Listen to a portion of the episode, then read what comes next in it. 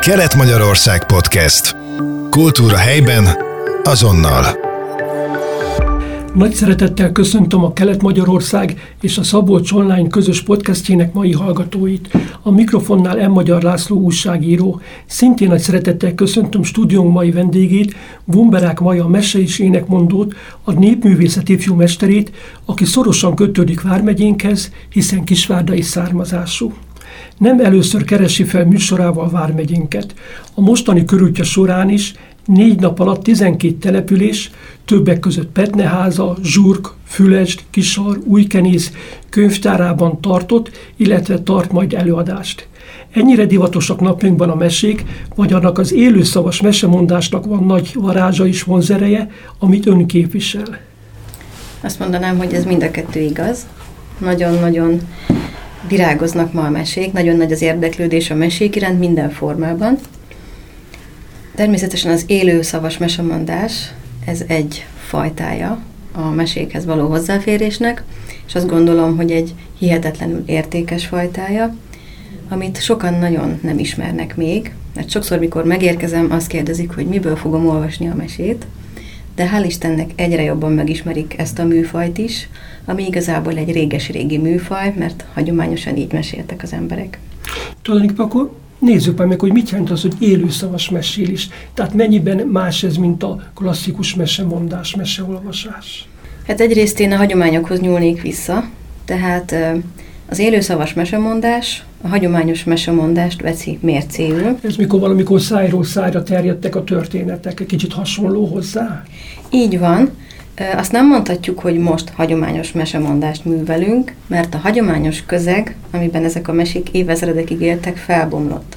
A falvakban, a hagyományos paraszti közösségekben a mindennapok része volt. Az, hogy élő szóval szabadon meséltek, ami azt jelentette, hogy eleve nem is olvashatták, mert nem nagyon tudtak írni, olvasni, hanem tényleg szóban adták tovább nemzedékeken, generációkon, közösségeken át, és ez mindig változott. Tehát egy mese minden alkalommal más és más. Mindig, minden alkalommal újra születik. Tehát ezt akartam kérdezni, hogyha mindig másképp mond el bizonyos fogalmakat, kifejezéseket, akkor minden egyes alkalommal újjászületik a mese, tehát mindig keletkezik kvázi egy új mese?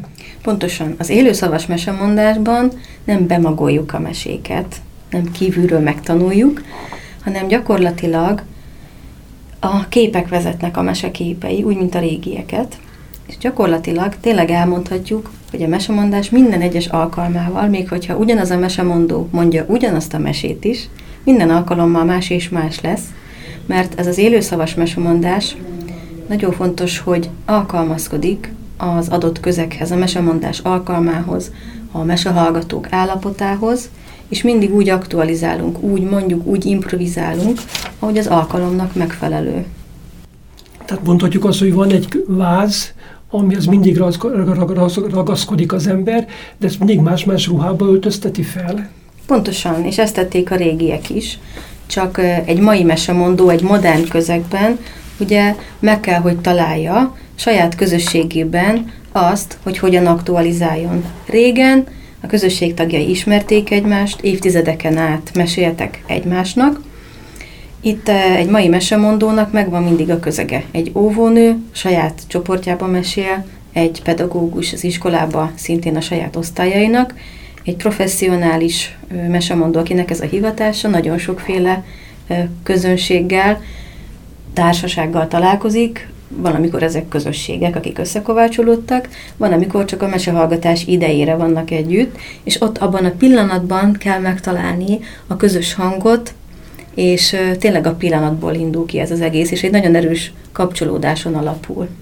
Esetleg kaphatnánk egy kis ízelítőt valamelyik meséből. Hogyan kezdődnek ezek az élőszavas mesék?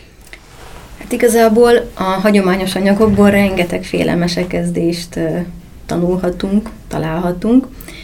Mondok egy példát, ami tényleg nem szokványos.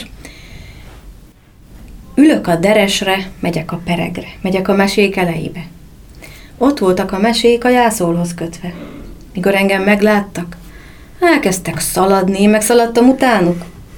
De volt köztük egy sánta, na azt elcsíptem, és mondom neki, Na, most téged elmesélek. Köszönöm szépen hallgatóinkkal együtt. Én is szívesen hallgatnám tovább a folytatást, de az időnk véges. És még több mindenről szeretném faggatni. Mielőtt azonban tovább folytatnánk, ugorjunk kicsit vissza a múltba. Emlékszik még arra a pillanatra, amikor megfogalmazódott önben, hogy a mesékkel szeretné elmélyültebben foglalkozni?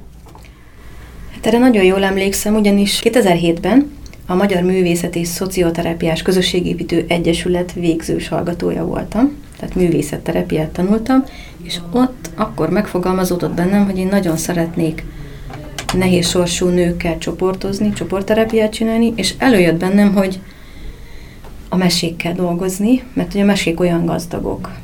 Természetesen gyerekkoromban én rengeteget meséltem, énekeltem, olvastam is meséket, de felnőtt koromban ekkor jött ez olyan 16 évvel ezelőtt az életembe, és aztán elkezdtem különféle mesefoglalkozásokat, mesefoglalkozásokon, mese műhelyeken, kurzusokon részt venni, és aztán a Hagyományok Házában a tanfolyamat elvégezve döntöttem el, hogy én élőszavas mesemondó szeretnék lenni. Mégis mi kell az, hogy valaki jó élőszavas mesélő legyen? Sok tanulás, sok meseolvasás, tudományos kutatómunka, vagy az egész így együtt?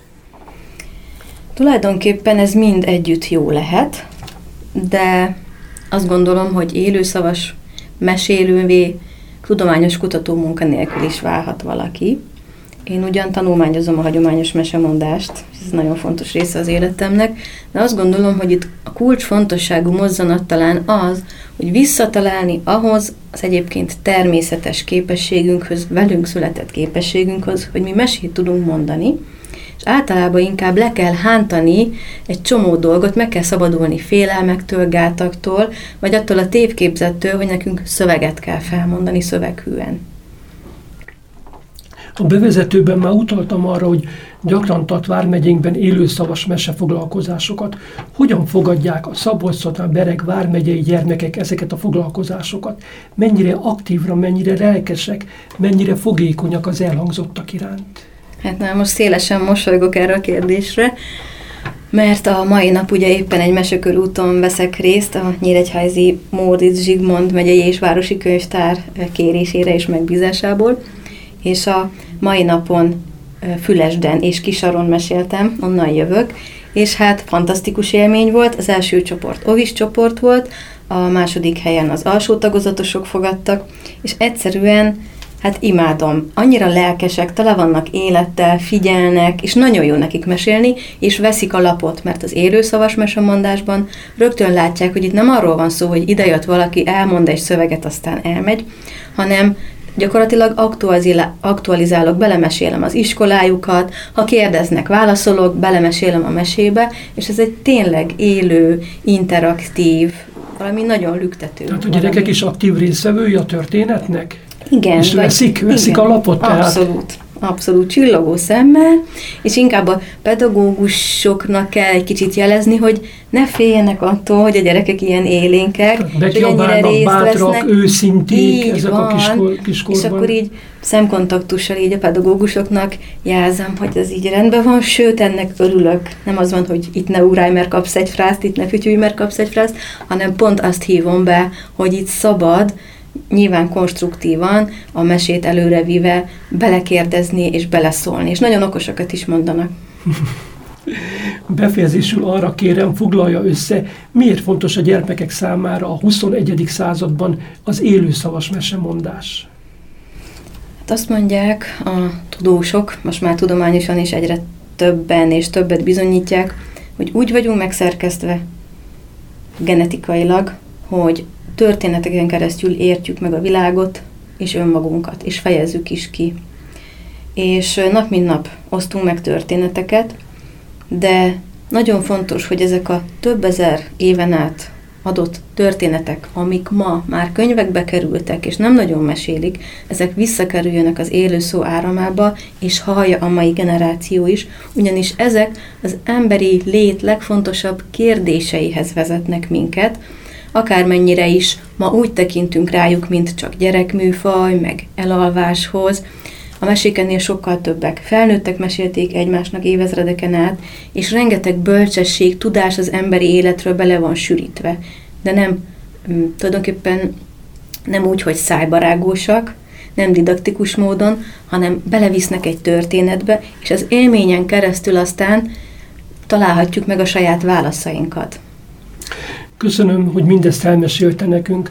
A beszélgetés során újabb és újabb kérdések vetődtek fel bennem, remélem hamarosan folytathatjuk majd ezt a podcastet. Hallgatóinknak is köszönöm, hogy velünk tartottak, és remélem legközelebb is velünk tartanak. A mikrofonnál Bumberák Maja mese és énekmondót, valamint M. Magyar László újságírót hallották. Kelet-Magyarország Podcast. Kultúra helyben, azonnal.